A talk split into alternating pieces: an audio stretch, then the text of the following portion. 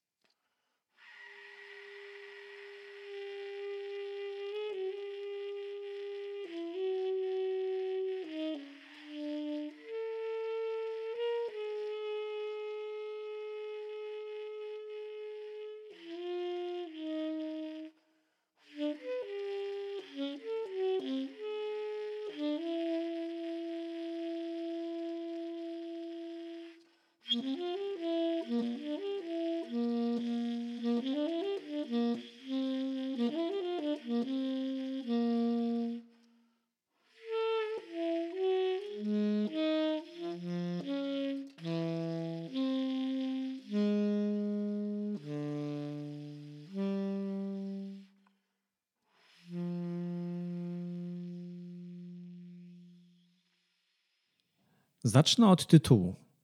Dlaczego ateizm trans? Dlaczego ateizm trans? Przedrostek trans oznacza tyle, co poza.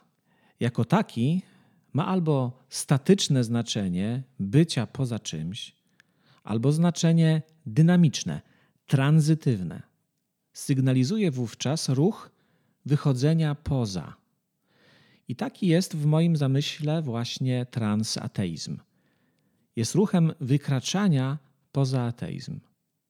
Jego celem nie jest jednak stanięcie poza ateizmem na pewnym gruncie religii albo wiary. Jego celem jest samo ciągłe przekraczanie ateizmu, tak aby nigdy nie dać się zamknąć w ateizmie zadowolonym z siebie przekonanym o własnej nieproblematyczności, o posiadaniu zadowalającej odpowiedzi na pytania najważniejsze, te metafizyczne. Względnie o bezzasadności takich pytań, co też jest tego rodzaju odpowiedzią. Taki ateizm budzi mój zdecydowany sprzeciw. tak samo jak każda inna ideologia, czyli domknięta i dla swoich wyznawców niepodważalna pozycja światopoglądowa. Moje krytyczne uwagi dotyczą właśnie takiego zasklepiającego się w sobie, czyli przemieniającego się w ideologię ateizmu.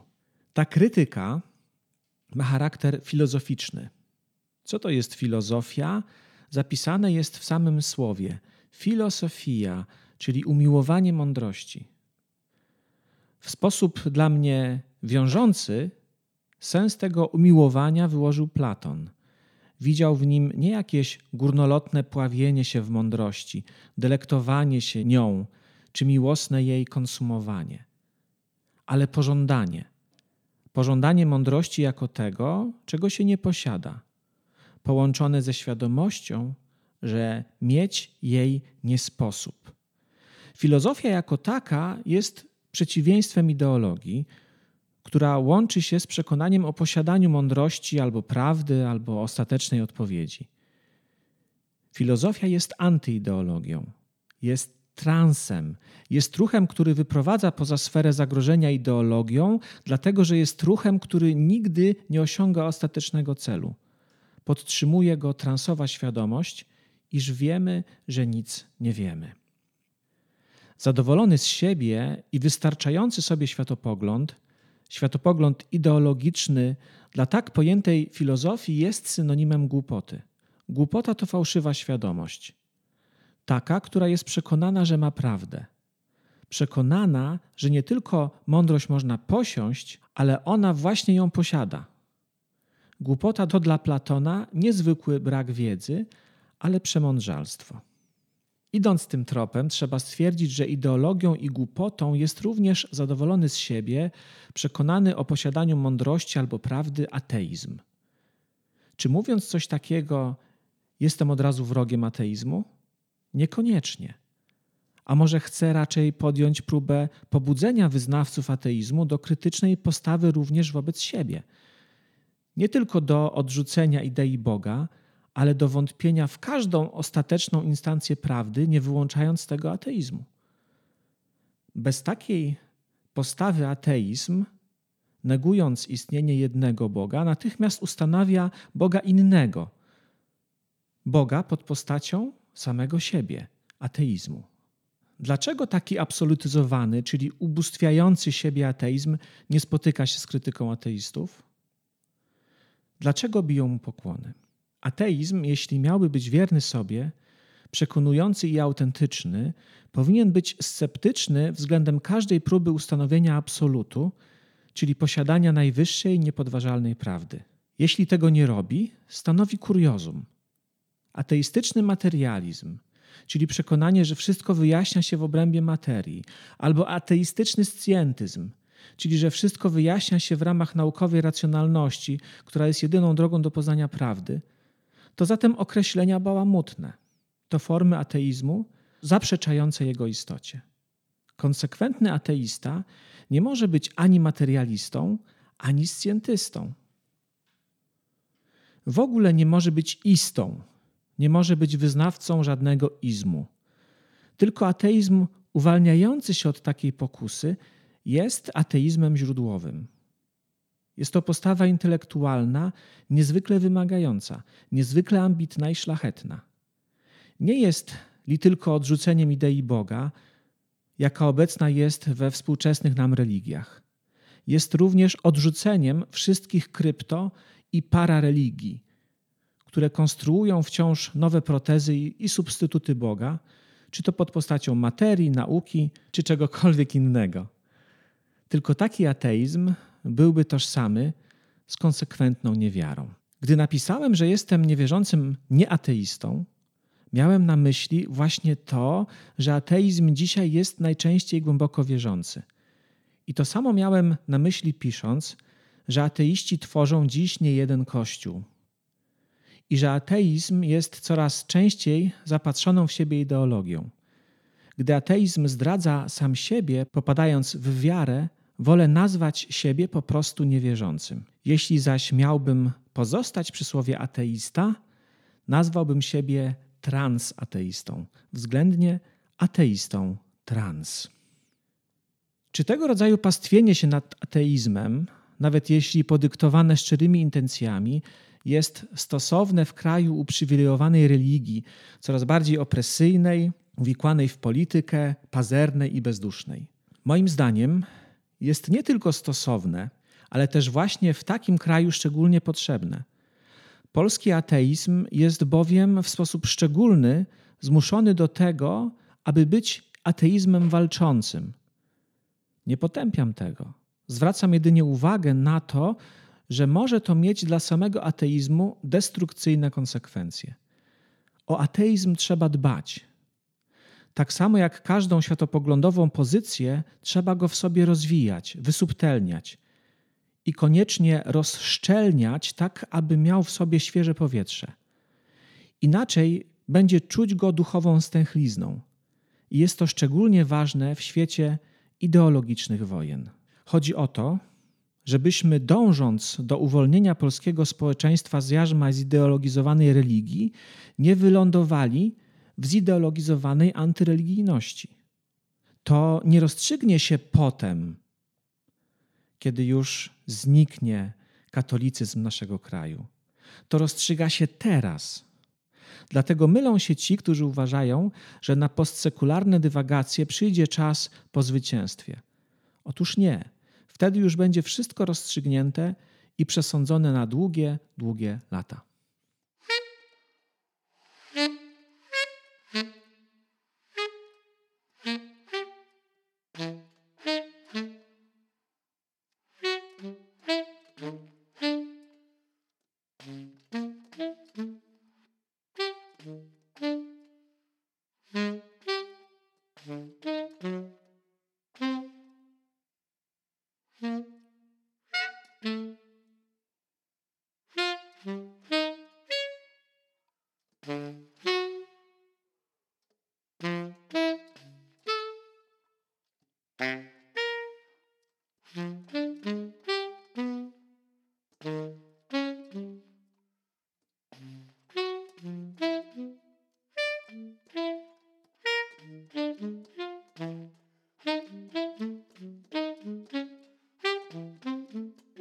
Mm-hmm.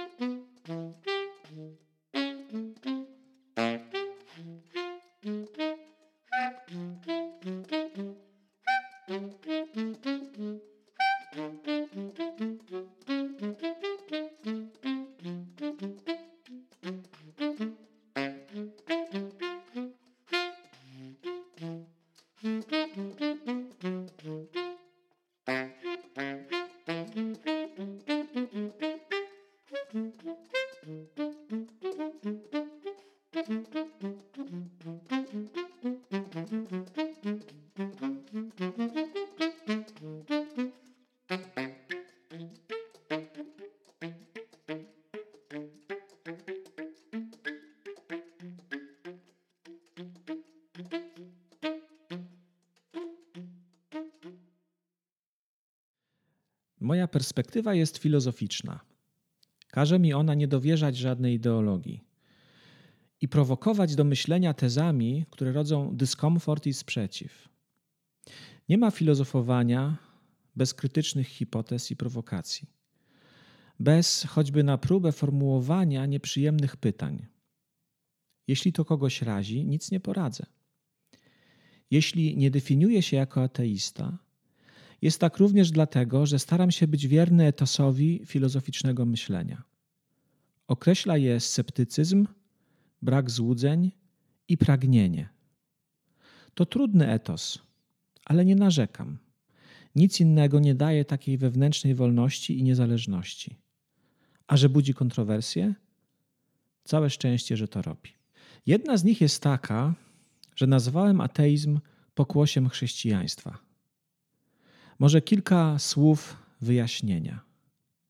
Owszem, postawy ateistyczne istniały wcześniej niż chrześcijaństwo i równolegle z nim w odmiennych od niego kręgach kulturowych.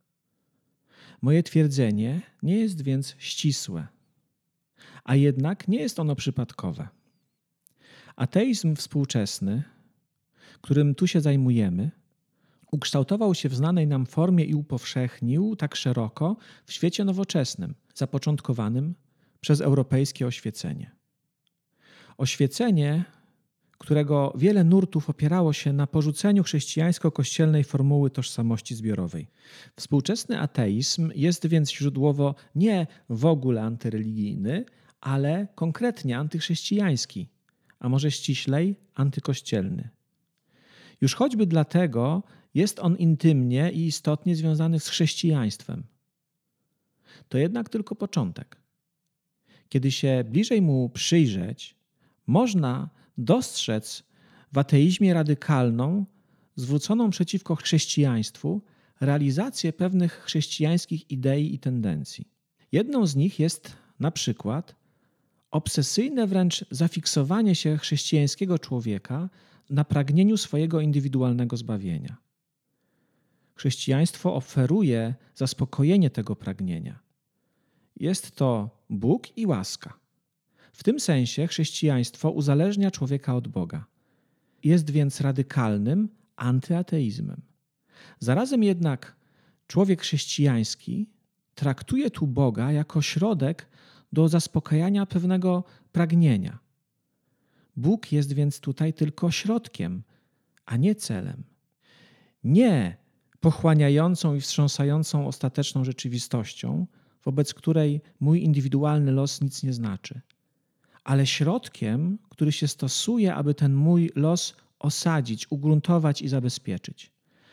W ten sposób chrześcijaństwo jest w zalążku ateistyczne i jest pierwszym krokiem w stronę oświecenia i nowoczesności, bowiem i one stawiają w centrum zbawienie człowieka, tyle że z zaświatów przenoszą je na ziemię, a środkiem do jego zdobycia nie jest już Bóg i wiara w niego, ale wiara w rozum i technikę.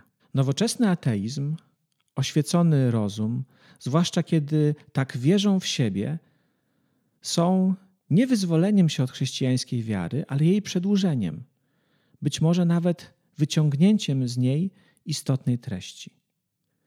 Czy nie jest e, daleko bardziej obiecujące pozostać w takiej sytuacji li tylko filozofem? I czy nie wymaga to zarazem szczególnej odwagi?